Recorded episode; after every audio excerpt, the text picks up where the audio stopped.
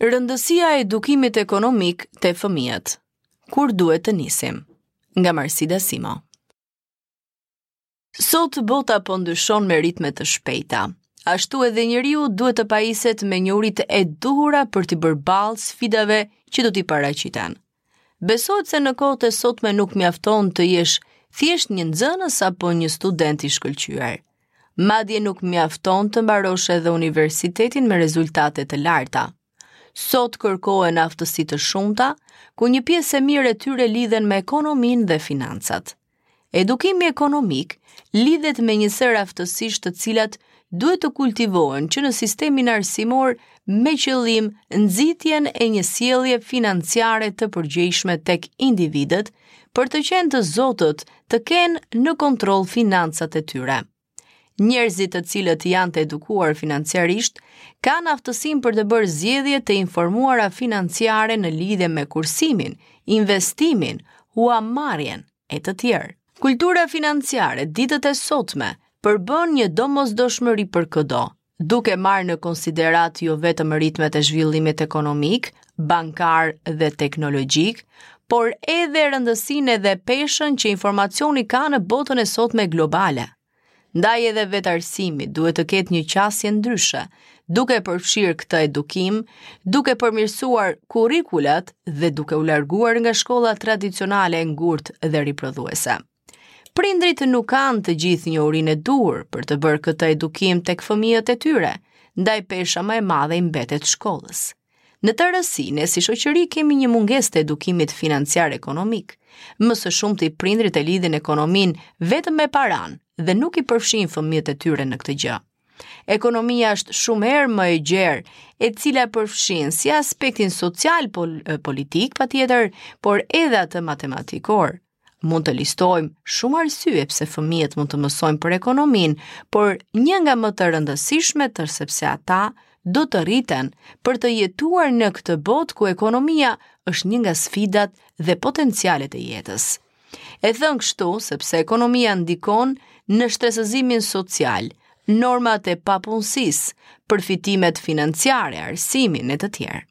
Patjetër që nuk është aq e thjeshtë t'u mësohet fëmijëve ekonomia, por mund të niset me gjëra të vogla dhe praktike. E kur mundet të nisim? Edukimi financiar ekonomik mundet të nisë që në moshën 3-4 vjeç. Fëmijët mundet të mësojnë përmes lojës elemente bazë që lidhen me ekonominë. Në një pyetësor të realizuar me prindër që i kanë fëmijët të moshës 3 deri në 8 vjeç, pjesa më e madhe e tyre, rreth 42%, nuk i kishin mësuar apo ekspozuar fëmijët me konceptet ekonomike. Vetëm 23% e tyre u shprehën se ishin përpjekur disi për t'i paraqitur fëmijëve disa terma në lidhje me ekonominë. Pjesa tjetër e prindërve shpreheshin se nuk ishin të sigurt nëse duhej bërë ky edukim ose duhej lënë kur fëmija të ishte më i madh. Ndaj, duhen disa shembuj praktikë se si mund të nisim edukimin ekonomik me fëmijët.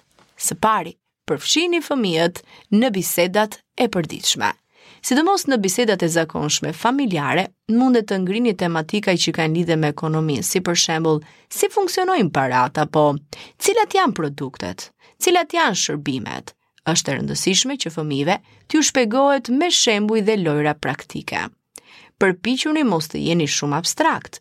Kur ata kanë pyetje, ju mundet të përgjigjeni shumë më thjesht sesa ato pjesët teorike që mund të keni mësuar në shkollë. Nëse keni njohuri jo të mira në këtë fushë, këshillohet të merret informacioni i nevojshëm.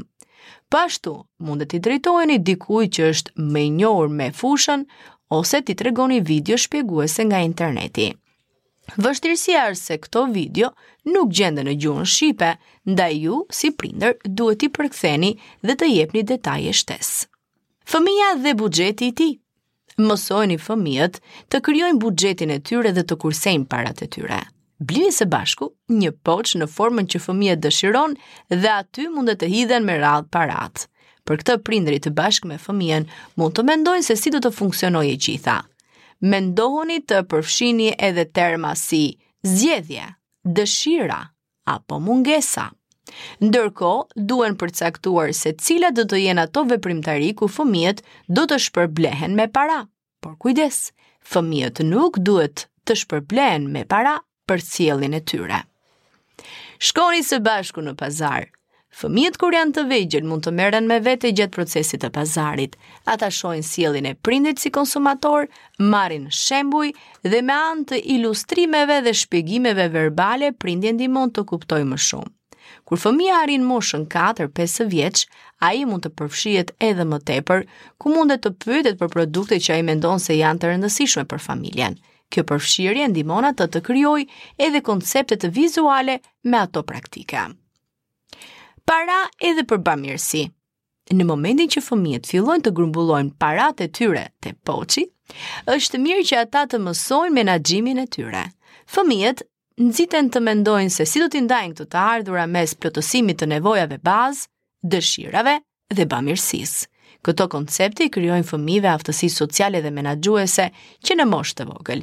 Sigurisht, që si fillim fëmija ka nevojë për ju si prind që t'i jepni shembuj konkret.